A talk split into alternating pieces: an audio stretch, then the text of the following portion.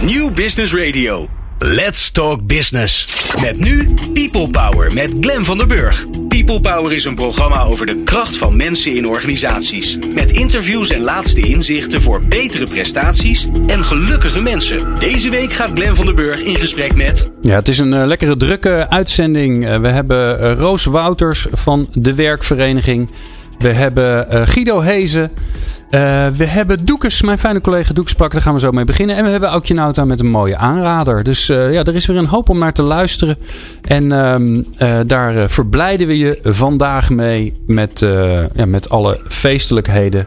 Um, Aukje heeft het bijvoorbeeld over haar manifest wat ze geschreven heeft over duurzame inzetbaarheid.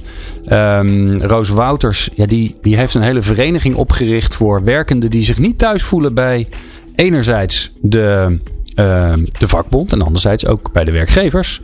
En uh, we gaan met Guido Hezen gaan we het hebben over um, het werkgever, het werknemersonderzoek. Het werknemersonderzoek. Ja, die zegt eigenlijk ja. Dat één keer per jaar dat doen, dat is eigenlijk passé. Dat moet je gewoon, uh, ja, dat moet je gewoon niet meer doen. Dat is niet meer genoeg. Maar we beginnen zo eerst met fijne collega Doekes. People Power met Glen van den Burg. Ja, en de Doekes Sprakke. Doekes, fijn dat je er bent. Yes, goed ja, om weer te zijn. Ja.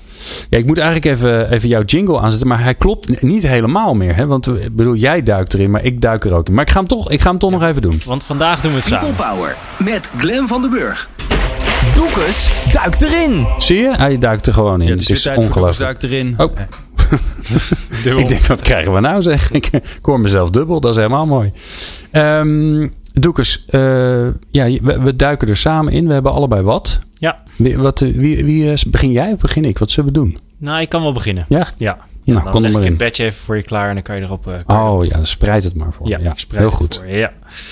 Oké, okay, um, nou ik ben er ergens niet per se ingedoken. Ik heb ergens een mening over. Jeetje. Dat is ook wel eens leuk. Maar dat heet niet Doekes heeft een mening, hè? Nee, nee, nee, precies. Maar dat is een beetje variatie. Dus af en toe ook heel leuk, Len. Nou, kom maar op. Uh, en jij hebt ook ergens een mening over. Ja, dus die, ja. die krijgen we ook. Dus heel veel people power mening. En uh, mijn mening gaat, uh, gaat nu over, over get out of your comfort zone. Ja. Want ik weet niet hoe het met jou zit, maar ik ben daar uh, ongeveer mee opgegroeid. Dat als je iets wil bereiken, dan moet je in ieder geval out of your comfort zone. En ik vind het enerzijds heel inspirerend, uh, want het daagt je uit om, uh, om nieuwe dingen te proberen. Dingen die, die spannend zijn. En daardoor kom je op plekken die je nooit had verwacht dat je zou komen. Dus er zit heel veel goeds in het idee van get out of your comfort zone. Maar het wordt een beetje als een heilige graal gezien. Heb je nou een voorbeeld van jezelf? Dat je zegt van nou, toen ben ik eruit gegaan en dat vond ik echt de rete spannend. Ja, uh, ik ben reisleider geweest toen ik uh, 23 jaar was. En toen ging ik met allemaal mensen van uh, 50 tot 70 jaar naar China. En okay. ik, ja, ik was op al die plekken nog nooit geweest. Je was reisleider op plekken waar je zelf ook nog nooit geweest nee, was? Nee, okay. nee, dat klopt. Dus ik hoop niet dat de mensen luisteren die de, destijds bij mij in de groep hadden gezeten. Ik heb me hartstikke goed ingelezen. Dus het heeft heel veel voor me, voor me gedaan. Want daardoor uh, heb ik zoiets cools kunnen doen. Ik ben toen in China geweest, in Vietnam en in Nepal. En uh, nou, dat had ik nooit gedaan als ik die sprong niet, niet had gewaagd. Dus dat heeft me heel veel gebracht. Daar heb ik heel veel van geleerd. Onwijs gaaf. Dus, dus op zich niks mis mee met, met, met uit je comfortzone gaan. Waar, waar ik vind dat het, dat het fout gaat, is dat het een soort van heilige graal is. En dat als je niet uit je comfortzone gaat, ja, dan, dan ben, je, ben je saai of burgerlijk of, of, of ga je in ieder geval niks bereiken.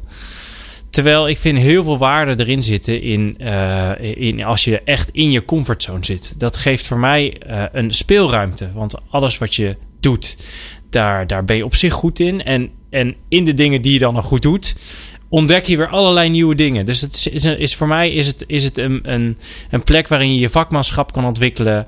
Uh, waarin je juist heel erg veel nieuwe dingen kan ontwikkelen. Vanuit een soort van flow waaruit je werkt.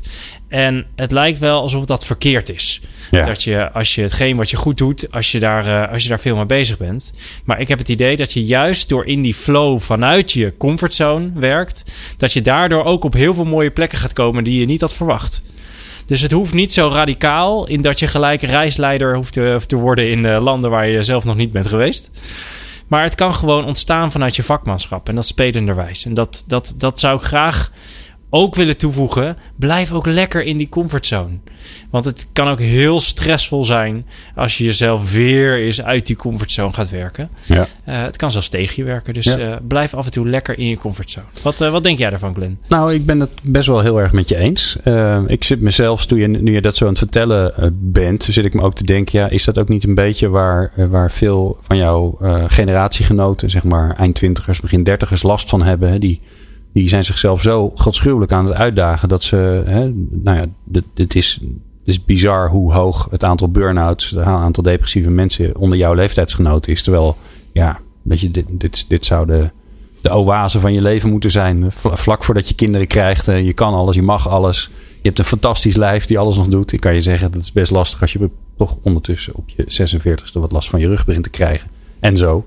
Dus, eh, dus ja, eh, geniet er ook van. Geniet van wat je, waar je goed in bent. Dus ik ben daar helemaal voor. Maar wij, Doekes, wij hebben wel iemand een beetje uit haar comfortzone gehaald. Ja. Ja. Want eh, eh, wij kennen allebei iemand en jij kent haar heel goed. Want Ik ken haar eh, redelijk goed. jij woont met haar samen. Ja. De People Power is een soort familie aan het worden ondertussen. En ehm, jouw, eh, jouw lieve vriendin Teunie, die heeft heel veel verstand van voeding. Die is, eh, die is voedingskundige. En die hebben wij eh, verleid en een beetje geduwd en een beetje eh, overrompeld om eh, hele kleine kolompjes te gaan maken over voeding. Die gaan we zeker zo horen. Nou ja, ik, ik heb hem klaarstaan. Ja, Dus wil jij, nog, wil, jij, wil jij haar nog verder aankondigen? Want jij Ja. kent haar het best. ja zeker. Zeker. Want ik heb eh, eh, een van de meest eh, talentvolle vriendinnen die er, die er is. Jij ook al. Ik ben zeer, zeer, zeer bevoorrecht natuurlijk om dat, om dat te zeggen. Maar zij vindt het wel heel spannend om dit soort dingen te doen. Eh, dus geniet van, eh, van haar vakmanschap, eh, van haar prettige stem, van de prettige omgang. Eh, en eh, nou, ik vind het heel stoer dat ze de, de stap heeft gewaagd om eh, hier live op de radio eh, een, eh, een stukje over voeding wil vertellen. Alright, hier komt ze. People Power. Voed jezelf. Drink geen sap. Sap is net zo ongezond als frisdrank. Beide dranken bevatten evenveel suiker. Frisdrank vindt iedereen wel logisch. Maar hoe zit het dan met sinaasappelsap? Nou, ga maar na. Hoeveel sinaasappels pers jij uit om een goed glas gevuld te krijgen? Op zijn minst twee grote sinaasappels. En twee sinaasappels bevatten ongeveer 19 gram fruitsuiker. En dat staat gelijk aan 5 suikerklontjes per glas. Nou, en dat is dus evenveel als jouw cola. Water is en blijft de ultieme dorstlesser. Saai? Gewoon wennen. En anders gooi je er wat munt in, komkommer, citroen, limoen of basilicum. Voed jezelf. People Power. Voed jezelf. Nou, Doekes, dat was hem, hè? Voed, je, voed jezelf. Dat is, eh, zo heet haar website overigens ook, hè? Dus als je meer wil weten, kun je naar Voed Jezelf. Elke maand gaan we een tip geven. En ik kan je zeggen, deze die heb ik toen ik deze voor het eerst hoorde gelijk ter harte genomen. Ik dronk elke ochtend een glas Cool Best. Eh, daar ben ik eh, radicaal mee gestopt. Ehm, mede door de suikers, maar ook dat al die vitamine die erin zit, die heb je toch niet nodig. Want die krijg je al in je normale voeding binnen. En ja, alle beetjes helpen. Dit was voor mij misschien wel de makkelijkste manier om, eh, om iets aan mijn voedingspatroon te doen. Zonder dat ik gelijk alle koekjes hoef te laten staan. Dus ik, was er, ik was er heel blij mee. Ja, en ik vind sindsdien sap vies geworden. Als iemand zo'n zo'n fles sap voor mijn neus hangt, ik, ik, ik krijg er alleen maar hele negatieve associaties mee. Oké. Dus het is wel heel grappig dat dat veranderd is van iets waar je energie van krijgt en wat gezondheid en vitamine, naar iets waarvan je denkt van, oh, even niet, even, even een blokje om. Ja. Nou, ik heb ook nog wat meegenomen. Dat is wel weer nieuw, want ik moet het instarten vanaf de computer. Dus ik, eh, ik weet niet of het gaat lukken, maar dat merken we vanzelf. Ik zat laatst in de auto en ik hoorde, eh, nou dan hoor je radio natuurlijk in de auto en je hoort eh, een beetje commercials nu en dan. En toen hoorde ik een nieuwe commercial van Tempo Team. En ik heb me daar nogal over op zitten winden. Ik weet dat dit waarschijnlijk de, eh, de kans dat wij ooit gaan samenwerken met Tempo Team redelijk verkleint. Maar dat is dan even niet anders. Ehm, ik zal hem je eerst even laten horen en dan ga ik wel vertellen waarom, het, waarom ik het zo irritant vond. Als ondernemer op zoek naar vast personeel wil je meteen de beste kandidaat. Daarom is er de vaste lijn van Tempo Team. De, eh, met de vaste lijn. Ja, hallo, ik zit me helemaal een slag in de ronde te zoeken naar een all-hand schademonteur. Ah, eentje die reparatie-laswerkzaamheden kan doen, hydraulische en pneumatische voorzieningen inbouwt en zich als een vis in het water voelt in jullie familiebedrijf. Ja. Met minimaal drie jaar werkervaring. Juist hem. Nou, stop maar met zoeken, want Tempo Team vindt gegarandeerd de beste kandidaat. Upload ook je vacature op devastelijn.nl. En geen match, geld terug. Ja, ik vind dat dus echt. Dan denk ik, weet je, gaan we dan nooit vooruit met z'n allen? Want wat hier gebeurt in deze commercial is dat de werkgever, sowieso wordt hij voorgesteld, omdat hij schademonteur is, dat hij ook nog eens een keer plat praat. Dan denk ik al, nou, weet je, een beetje, beetje meer eh, creativiteit had wel leuk geweest. Maar het belangrijkste vind ik dat er wordt gezegd: oké, werkgever, u vraagt, wij draaien. Blijf maar vragen om die opgeleide automonteur met zoveel ervaring die ook kan puntlassen. En, eh, en, die, en weet je, die is er gewoon niet. Sterker nog, die moet je gaan maken. En dat vind ik er zo irritant aan, dat eh, we met z'n allen eh, bezig zijn om aan te geven. Weet je, geef kansen aan mensen met een beperking, met een afstand de arbeidsmarkt, met de 50-plussers die allemaal massaal niet aan het werk komen. En dan over de krapte op de arbeidsmarkt doet dan zo'n ongelooflijke grote organisatie als Tempo Team, die, die overigens ook prachtige dingen doen voor mensen met een beperking. Die doen dat eigenlijk weer een beetje teniet door ja, dit te doen. Door te zeggen, ja, hè, stuur maar in je belachelijke vraag met je belachelijke eisen. En wij, wij gaan het wel voor je regelen. Dus nou, daar word ik een beetje pissig over, Doekes. Dus, dus hoe zou je willen dat het er wel uitziet? Wat, eh, Nou, ik zou, dat is een goeie. Misschien moet ik een keer een commercial voor Tempo Team gaan maken hoe, wat ze dan wel zouden moeten zeggen. Want wat, wat mij betreft zouden ze moeten zeggen, beste werkgever, wij snappen dat dat de makkelijkste oplossing is. Dat u het allerliefste een, iemand zou hebben met ervaring die je gelijk kan inzetten, die gelijk de werkdruk kan verminderen, die gelijk gaat zorgen dat er meer omzet komt. Maar laten we wel zijn, beste werkgever. Zo zit het leven niet in elkaar. Die is er niet. En als hij er is, werkt hij bij je concurrent. Dus dan moet je meer gaan betalen. En dat zou ik gewoon niet doen. Sterker nog, ik zou zeggen: begin met een leuk BBL-traject. eh, Begeleid, eh, begeleid werken voor een ROC. Of neem iemand aan, een 50-plusser, die, eh, die misschien in zijn hobby ongelooflijk veel sleutelt met auto's. En leidt die verder op door, om, om daar een goede automonteur van te maken.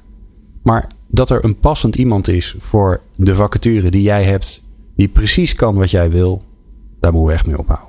dus je, je, je, je ziet eigenlijk dat, eh, eh, dat uitzendorganisaties meer een leiderschapsrol kunnen nemen in het opleiden van hun klanten. Ja, ik ben voor maatschappelijk verantwoord reclame maken. En dat vind ik, dit vind ik een voorbeeld. En ik bedoel, de wereld vergaat niet hoor. Het is niet zo eh, dat we mensen stimuleren om in veel te grote auto's te rijden of kern, meer, nog meer kernenergie te maken. Maar ook in zijn subtiliteit. Nee, ik ben niet voor deze reclame. Nou, dan ben ik heel erg benieuwd wat andere mensen daar ook van, eh, van denken. Dus eh, mocht je hier een idee over hebben, eh, laat het ons vooral weten. Ehm, dan, dan horen we dat graag. Ja, zeker. Ja, en als je nog meer reclames hoort waar jij je over opwint, dat je denkt, ja, dat gaat echt tegen de, nou ja, de manier waarop wij met z'n allen naar werk kijken en hoe we het graag zouden willen hebben, dan horen we dat natuurlijk ook graag. En dan hebben we misschien wel een nieuw rubriekje, hè? de irritante reclame van de maand. Eh, tot zover, Dukes, eh, zijn wij erin gedoken. We gaan zo eh, bellen met, eh, met Roos Wouters over haar werkvereniging. Een vereniging die, ja, die is voor modern werken. En wat het dan is, dat hoor je zo. People Power. Inspirerende gesprekken over de kracht van mensen in organisaties. Met Glen van der Burg. Steeds meer mensen werken op flexibele basis. Een klus van een jaar, een start-up van twee jaar, een baan van twee jaar en als het even mee zit ook nog tegelijk. En ik kan je uit persoonlijke ervaring vertellen wat dat doet met je pensioen. Dat is één grote bende. Eh, Wie vertegenwoordigt jou dan in het maatschappelijk debat? De vakbonden? Nou, denk het niet. Die zijn er toch vooral voor de mensen die werk hebben. Gewoon traditioneel werk. De werkgeversverenigingen? Nou, ook niet echt. Want ik, ja, ik ben wel ondernemer, maar ik heb geen mensen in dienst. Je branchevereniging? Nou, die zijn ook een beetje van de stoffige. Waarschijnlijk is er dus niet echt iemand die jou represent. En daarvoor, voor die modern werkende, heeft Roos Wouters de werkvereniging opgericht. Roos, Hallo. welkom. Ja, zeker. Wat leuk dat dat we je aan de lijn hebben. Ja, dat vind ik ook. Nou, en wat ik altijd leuk vind is, waar begint zoiets? Eh, bij frustratie, Ja. vrees ik. ik. En ik hoorde zoveel mensen zeggen van ja, en ik voel me niet vertegenwoordigd en ik voel me niet gehoord. En die frustratie herkende ik. En toen dacht ik, ja, maar we zitten allemaal te mopperen.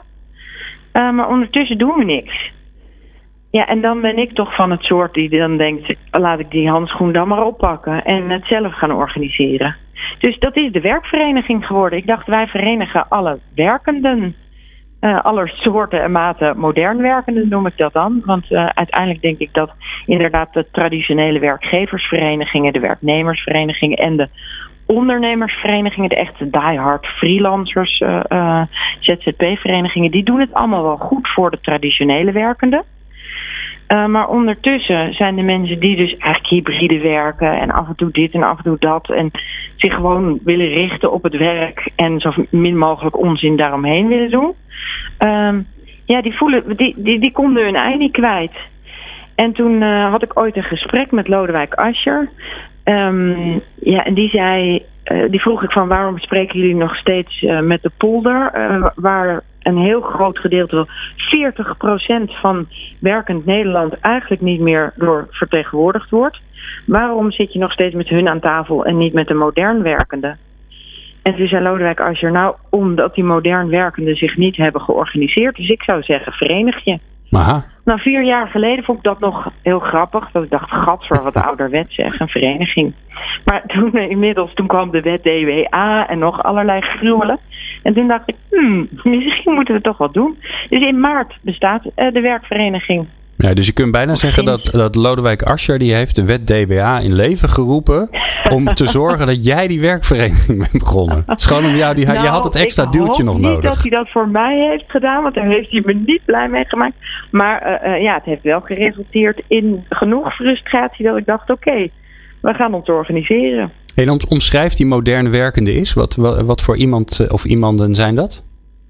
Nou, dat zijn eigenlijk uh, wer werkenden die. Kijk, de 40% van onze beroepsbevolking werkt tegenwoordig afwisselend als werknemer met een baan erbij of een, een, een uh, ja, baan ernaast of een ZZP-klus ernaast of studeert een ZZP daarnaast of zit in pensioen en ZZP daarnaast of is dan weer opdrachtgever of is via een uitzend interim of payroll constructie aan het werk. Dus we zijn inmiddels, uh, ja, die echte traditionele werknemer die tot zijn dood bij die ene werkgever werkt, ja, die is er eigenlijk niet meer. Of de ondernemer die, nou ja, inderdaad heel veel mensen in dienst heeft en die, nou ja, een beetje zoals vroeger de adel of de Shells en de Unilevers van deze wereld. Ja, dat, dat zijn bepaalde uh, uh, werkgevers en werknemerssoorten. Uh, waarvan ik denk, ja, die worden steeds minder. En alle anderen die zich dus niet herkennen in een werkgever als Unilever of Shell, of niet zich herkennen in een werknemer, en, en, zoals bij Philips, tot de dood, ja, die, die is een modern werkende. Oké, en, en, en wat, heeft die, wat gaan jullie diegene geven wat hij nodig heeft? Nou, in eerste instantie een stem. Uh, wij hebben jouw stem bij de werkvereniging. Dat zijn uh, vragen uh, die we modern werkende stellen, waarvan we denken dat die ze niet gesteld wordt. Want de huidige instanties vragen steeds: wat wil je in een vast contract of een flexcontract? Nou, dan is het logische antwoord een vast contract. Maar wij vragen bijvoorbeeld aan werknemers: wil je een vast, zou je nog steeds bij dezelfde werkgever werken, ook als je je uh, nou ja, die zekerheden die aan die werkgever gekoppeld zijn mee kan nemen. Dan antwoordt 80% dat ze liever morgen bij een andere werkgever zouden werken. Dus ja, wij, wij, en ook zoals uh, je zit er nu aan te komen, ben ik bang dat het nieuwe kabinet uh, gaat zeggen van nou, um, we, de, we koppelen zelfstandige aftrek bijvoorbeeld aan het hebben van een pensioen of een, en een AOV, een arbeidsongeschiktheidsverzekering. Um, en ik vermoed dat als er niet een stevige lobby plaatsvindt door modern werkenden, zoals wij, um, dat dan de broodfondsen en de Common Easies en de uh, Bright Pensioen allemaal nieuwe, betere versies die beter bij de modern werkenden passen, dat die dan weer niet mee mogen doen in, in uh, uh, ja, die wet en regelgeving. Dus daar gaan we voor lobbyen. Um, we, hebben, we gaan de dag van het werk organiseren op 11 mei. Een beetje een, met een knipoog naar de dag van de arbeid op 1 mei. Mm-hmm. Omdat we denken, ja, um, uiteindelijk gaat het om werk en werkenden. En uh, uh, moeten we gaan kijken hoe we het werk zo goed mogelijk kunnen doen. Met zoveel mogelijk plezier. Ongeacht de arbeidsrelatie die we met elkaar hebben. En dat daar uh, de sociale zekerheden, voorzieningen, al dat soort dingen, zoals inderdaad het opbouwen van je pensioen, dat dat met jou meebeweegt in plaats van met je werk, uh, je contractvorm. Ja. En als je nou, hè, stel je voor dat je morgen ineens tegen de, de nieuwe minister van Sociale Zaken aanloopt, waarvan we nog niet weten wie dat is. Hè? Maar stel je voor, die daar loop je tegenaan in de trein. En je hebt, uh, je, bij het uitstappen heb je, heb je nou ja, net even tijd om, om één ding mee te geven waarvan jij zegt van ja, dat moet, dat moet je gewoon echt even gaan fixen voor ons. Wat zou je zeggen? Nou, nu nog niet zo heel veel. Ja, ik denk dus dat het echt heel belangrijk is dat we aan tafel komen. Kijk, ik pretendeer niet te weten wat de modern werkende wil. Ik wil alleen heel graag horen wat de modern werkende wil. Uh, dat klinkt misschien een beetje vaag, maar ik ben als de dood dat ik net als de traditionele partijen roep wij willen dit, terwijl ik denk ja, dat willen we helemaal niet. Of tenminste, ik wil dat helemaal niet en ik weet niet namens wie jij praat. Die fout wil ik echt absoluut niet maken. Dus daarom hebben we jouw stem opgericht om te kijken wat willen we gezamenlijk. En een van de dingen die ik bijvoorbeeld wel al durf te zeggen is dat uh, de meeste modern werkenden die mee hebben gedaan met jouw stem, zeggen we zijn niet per definitie tegen verplichte uh, arbeidsongeschiktheidsverzekering. We, zijn, we hebben alleen geen enkele vertrouwen in de huidige arbeidsongeschiktheidsregeling. Dus dan zou ik bijvoorbeeld tegen die minister zeggen: um, Weet je zeker dat je de, met het goede bezig bent en wil je niet nog eens bekijken of je dat wat kan verruimen en verbreden en met andere partijen aan tafel wil gaan zitten? Om dit te regelen. Want uh, uh, nou ja, de modern werkenden willen heel graag hybride uh, arbeidsongeschiktheidsverzekeringen die dan weer, um, nou ja, dat, dat je um, je arbeidsongeschiktheidsverzekering niet alleen aan je werkgever gekoppeld is, maar dat je ook je verzekeringen aan kan vullen met dat wat je bijvoorbeeld daarnaast aan ZZP-inkomsten hebt of als ZZP'er en dan weer in dienst gaat, dat dat allemaal met de modern werkende meebeweegt. Ja, ik moest wel lachen, want ik heb hem, ik heb hem laatst zo waar afgesloten. Ik moest daar overigens wel eerst een. een uh, ik had dat niet door. Maar ik, ik moest Mhm. een soort vragenlijst invullen. En ik, nou, ik ging dat braaf invullen. En op een gegeven moment kreeg ik te horen: Ja, u bent geslaagd. U mag zelfstandig een arbeidsongeschiktheidsverzekering afsluiten. Dus ik, Ja, heb, ik heb weer een diploma. Ik heb een diploma Ja. gehaald. Echt fantastisch. Ehm, Ja. Daarvoor hoefde ik dus niet naar een eh, tussenpersoon. Dat scheelde mij geld. Maar ik moest alsnog wel, weet ik veel, een paar honderd euro administratiekosten betalen. Waarvan ik dacht: Oh, het is toch ook niet te geloven, ook zeg. Maar ik, maar ik weet je, ik mag dus als zelfstandige met een eigen bedrijf, ik mag alles doen. Maar als ik een, als ik een verzekering wil afsluiten, een arbeidsongeschiktheidsverzekering, dan moet ik daar eerst moet daar een test voor doen of ik, dat wel, of ik daar wel de genoeg kennis over heb. Nou, ik vond het echt Ja. zo'n bizar verhaal. Dus ja, het, Nee, maar het- dit, dit soort dingen zijn echt. Het is nog heel ouderwets geregeld. En de, de traditionele verzekeringsmaatschappijen en ook pensioenfondsen hebben hier gewoon geen antwoord op nog. En dus moeten ze de modern werkende op het vizier krijgen. Dat hebben ze niet. Het is niet onwil. Eh, ze weten gewoon niet hoe. als mensen meer willen weten, Roos, Ja, waar moeten ze dan heen? www.werkvereniging.nl. Kijk, ingewikkelder is het niet. Daar kunnen ze alles vinden. We Ja. zijn bezig met een manifest. En eh, eh, we, zijn, eh, we he- hebben dus de dag van het werk op 11 mei. Ja, En ehm, nou ja, je kan altijd deelnemen aan jouw stem. Ehm, dus Oké, daar hoef je geen lid voor te zijn. Daar hoef je geen lid voor te zijn. Je kan wel deelnemer worden van de werkvereniging. En daarmee eh investeren. Ja, het mag je ook vragen bedenken en echt meedenken hoe we nou ja, deze vernieuwingsbeweging groot eh, en meeslepend kunnen maken. Waardoor uiteindelijk de minister vanzelf bij ons aan tafel wil gaan zitten. hartstikke mooi. Mijn stem heb je, want dat vroeg je net eh, voordat, ik, Ja. voordat ik jou belde. Hè? Doe je mee? Ik doe mee. Geweldig. Fijn, nou, dat hè? is Dus het is al plus dat de rest één. ook meedoet. Ja, vast wel. Wij roepen ze in, in, in ieder geval toe op. Roos Wouters van de Werkvereniging. Dankjewel, Roos. Graag gedaan. People Power. Inspirerende gesprekken over de kracht van mensen in organisaties. Met Glen van der Burg. Medewerkeronderzoek wordt elk jaar of om een jaar uitgevoerd. Je kent het vast wel, je hebt er vast wel eens aan meegedaan. Ja, een soort gezondheidscheck van de organisatie. Van, ja, hoe, hoe kijken je medewerkers nou naar je organisatie en zijn ze daar een beetje tevreden over? Effectory is een van de organisaties die dat soort eh, onderzoek uitvoert. En eh, ja, ik durf wel te stellen dat eh, dat traditioneel centraal tevredenheidsonderzoek eigenlijk gewoon passé is. En om ehm, ja, mij te vertellen of dat zo is, of ik het een beetje bij het eh, juiste eind heb, bellen we met Guido uh, directeur van Effectu. Of ja, directeur, zo noem je jezelf toch niet meer, hè, Guido? Nee, nee, nee, al lang niet meer. Nee, nee. Maar wel oprichter, dat ben je wel. Wel oprichter, ja, nee, dat, dat is niet te ontkennen. Ja, hey, het, ja is het overgesluiten met het jaarlijks centrale tevredenheidsonderzoek? Nou ja, er zijn twee elementen die je noemt, zeg maar. Dat is dat jaarlijks centrale en dat is tevredenheidsonderzoek. Ik kan sowieso zeggen dat het tevredenheidsonderzoek passé is. Hè, want tevredenheid is passief, hè, terwijl het gaat om actieve staat van medewerkers. Dus het gaat steeds meer om bevlogenheid en betrokkenheid en met name de combinatie ertussen. Dus echt uh, uh, niet, niet zozeer goed werkgeverschap, maar ook goed werknemerschap. Dus hoe staat de medewerker erin? Dat is uh, nu volledig aan de orde. Dus het tevredenheidsonderzoek is, is passé. En dat jaarlijkse centrale, dat is, uh, ja, er is steeds meer vraag naar. Uh, het gaat steeds meer om het, om het net ophalen van wat zijn de ideeën en gedachten en belevingen van medewerkers. En dat willen organisaties willen dat eigenlijk continu weten. Uh, en daarom zie je dat de frequentie wordt opgevoerd.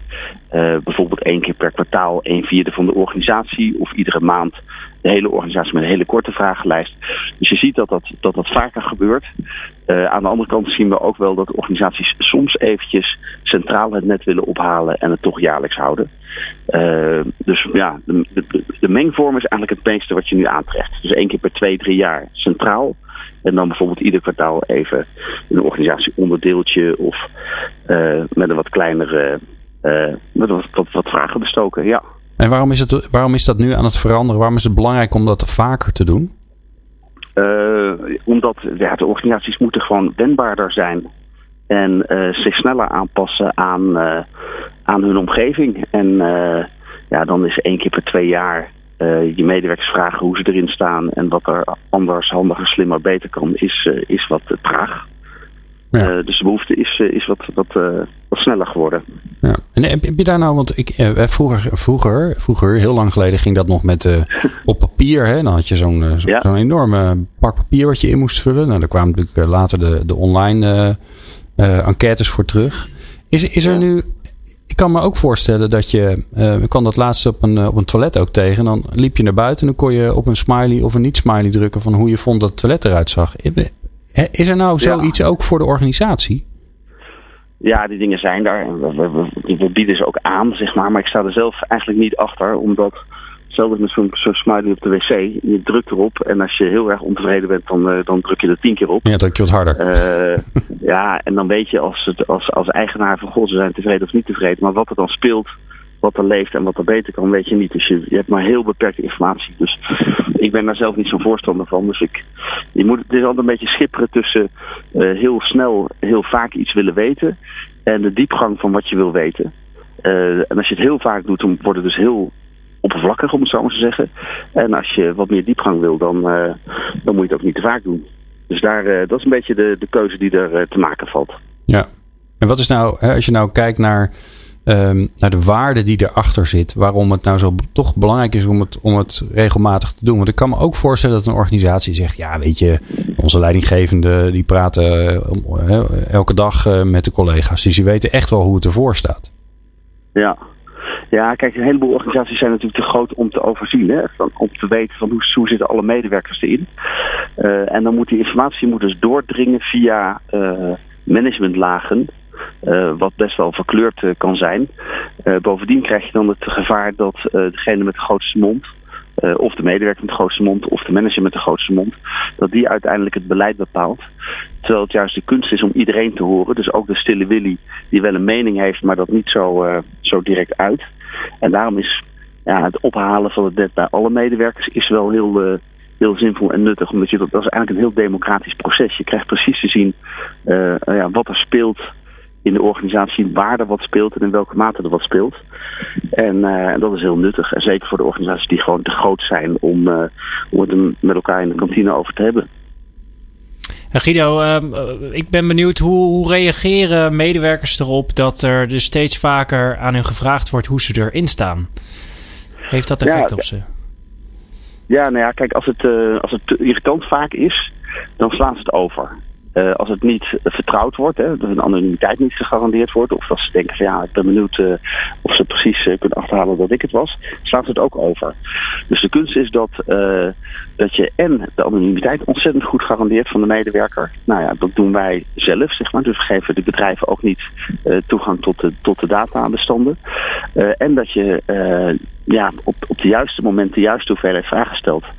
Uh, en aangezien het om zo'n ontzettend belangrijk deel van het leven van de, van de mens gaat, namelijk het werkende leven, zijn medewerkers wel bereid om, als er goede vragen gesteld worden, uh, en er geen irritante vragen gesteld worden, om dat goed te beantwoorden. Ze zijn echt wel bereid om, uh, om mee te denken met wat er anders kan. En zeker als ze zien dat, het, dat er mee gewerkt wordt en dat het helpt en dat het simpel is. Ja. En aan het begin vertelde je al even, Guido, dat ja, tevredenheid dat het eigenlijk passé is. Maar, maar wat komt er dan voor terug? Hoe noem jij datgene dan wat je wel meet? Ja, wij noemen dat eigenlijk. Uh, nou ja, kijk, tevredenheid. Dat gaat er een beetje vanuit dat, de, dat het bedrijf voor je moet zorgen. He, dus een beetje het temperen van medewerkers. En dat kan tot een soort luidgedrag van medewerkers uh, leiden. Dus een hele tevreden medewerker die de hele dag uh, de rand van zijn bureau zit en zit te praten met een andere hele tevreden medewerker. Terwijl de organisatie niet vooruit gaat. Uh, wat je eigenlijk wil, is dat je medewerkers wil activeren om zelf uh, goed in het werk te staan. En wij hebben daar eigenlijk twee termen voor die we daar, daarvoor gebruiken. Dat is aan de ene kant de bevlogenheid in het werk. Hè, dus van, van, van, van Vind je het werk mooi om te doen? Uh, doe je het graag? Uh, vergeet je de tijd op het moment dat je ermee bezig bent? Dan doe je het op een, op een fijne manier. En betrokkenheid bij de organisatie. Dus de bevlogenheid heb je in het werk en de, bevlogenheid, de betrokkenheid heb je bij de organisatie. En wat je eigenlijk voor elkaar wil krijgen is die combinatie van betrokken en bevlogen medewerkers. Dus dat zijn medewerkers die je eigen organisatie naar een hoger niveau willen, willen tillen. En daar, daar ga je naar op zoek en dat ga je proberen te, te stimuleren. En dat doe je onder andere door medewerkers serieus te nemen. Door inderdaad af en toe te vragen hoe, met ze, hoe ze erin staan en hoe het met ze gaat. Maar ook door te vragen wat de ideeën zijn uh, om de organisatie te verbeteren. En Guido, als je, als je nu uh, kijkt naar een periode over vijf jaar. Wat denk je uh, dan dat er verandert in, in hoe je medewerkers bevlogenheid en betrokkenheid meet? Nou, in het meten zelf, ja, het wordt, wordt technischer. Het is mobile first nu. Hè, dus uh, medewerkers die willen dat uh, uh, op elke device kunnen invullen. Ze willen dat het op een hele makkelijke manier gaat. Dus het is steeds meer een soort van gamification. Dus dat het heel easy wordt om, om in te vullen. Een anonimiteit is ongelooflijk belangrijk, nog steeds. Dus uh, hulpmiddelen die ze niet vertrouwen of die stagiair waarvan ze niet weten uh, waar de data heen gaat, ja, dan vullen ze toch niet helemaal uh, eerlijk in hoe ze, er, hoe ze erin staan. Ze willen vertrouwd worden. en het moet veel directer teruggekoppeld worden. Dus zowel naar, naar de organisatie zelf als naar het management als naar de medewerkers zelf. Van wat kan ik doen om mijn eigen ja, employability, om het zo maar te zeggen, te verbeteren. Dus het wordt steeds ja, directer, technisch uh, geavanceerder. Uh, ja, het moet helemaal kloppen. Er mag geen enkel foutje gemaakt worden. En dat is ook wat interessant aan het vak. Dus dat je ontzettend bezig bent met uh, innovatie en ontwikkeling op alle, op alle fronten. Guido, kun jij je voorstellen, want uiteindelijk vraag je mensen om vanuit hun ratio te, ja, te vertellen op te schrijven uh, um, ja, hoe, hoe, ze er tegenaan kijken. Ik, ik kan me voorstellen ja. dat, dat, je, dat je op termijn, maar dat is misschien een beetje, beetje toekomstgedachte. Als iedereen met zijn, uh, met zijn hartslagmetertje rondloopt, dat je ook gewoon op basis van hartslag, van biofeedback, dat je ook op basis daarvan kunt kijken van hé, hey, er is iets aan de hand. We, we moeten even wat gaan doen. Zijn jullie daarmee ja. bezig? Nou, we zijn daar goed naar aan het kijken. Uh, omdat wij uh, uh, op dit moment nog zoiets hebben van ja, je moet wel een beetje uitkijken met het aantasten van de privacy van de, van de medewerker. op het moment dat medewerkers echt een, met een bandje om gaan lopen of een chip ingebouwd krijgen, ja, dan is de vraag van in hoeverre is de medewerker dan nog echt autonoom? En wil de medewerker dat zelf ook? dus we willen eigenlijk alles benaderen vanuit respect voor de, voor de medewerker en voor de identiteit van de medewerker. Dus op dit moment uh, doen we het alleen nog uh, op basis van inderdaad uh, questionnaires. eventueel gekoppeld aan informatie die het bedrijf zelf heeft. Op niet of op anonieme basis. Mm -hmm. Dus op niet individuele basis.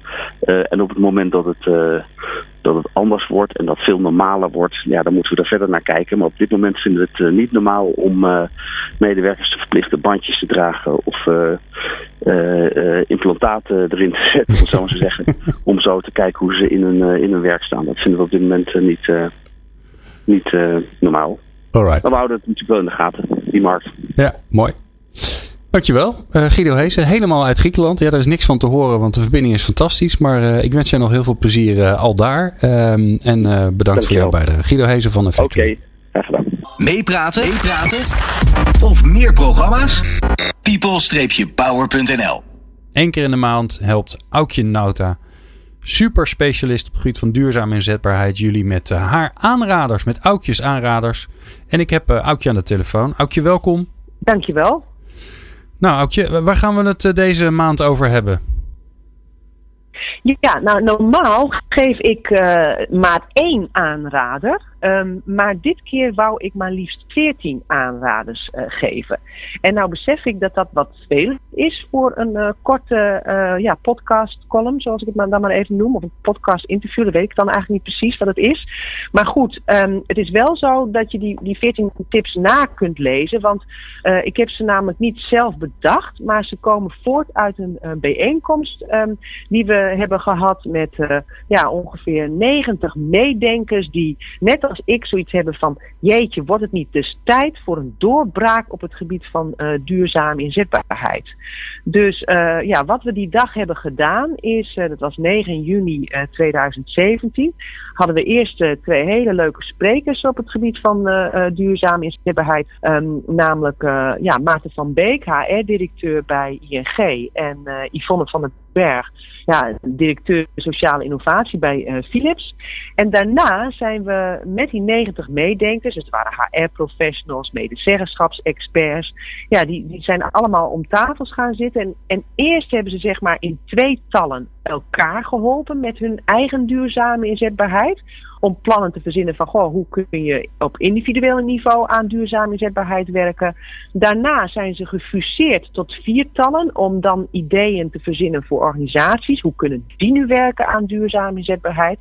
En daarna zijn die viertallen weer gefuseerd tot achttallen om ideeën op samenlevingsniveau te verzinnen. Nou, en uit al die ideeën, daar hebben we maar liefst eh 14 aanraders, 14 tips, 14 adviezen gedestilleerd. En die hebben we allemaal opgeschreven in een manifest samenwerken aan duurzaam werken.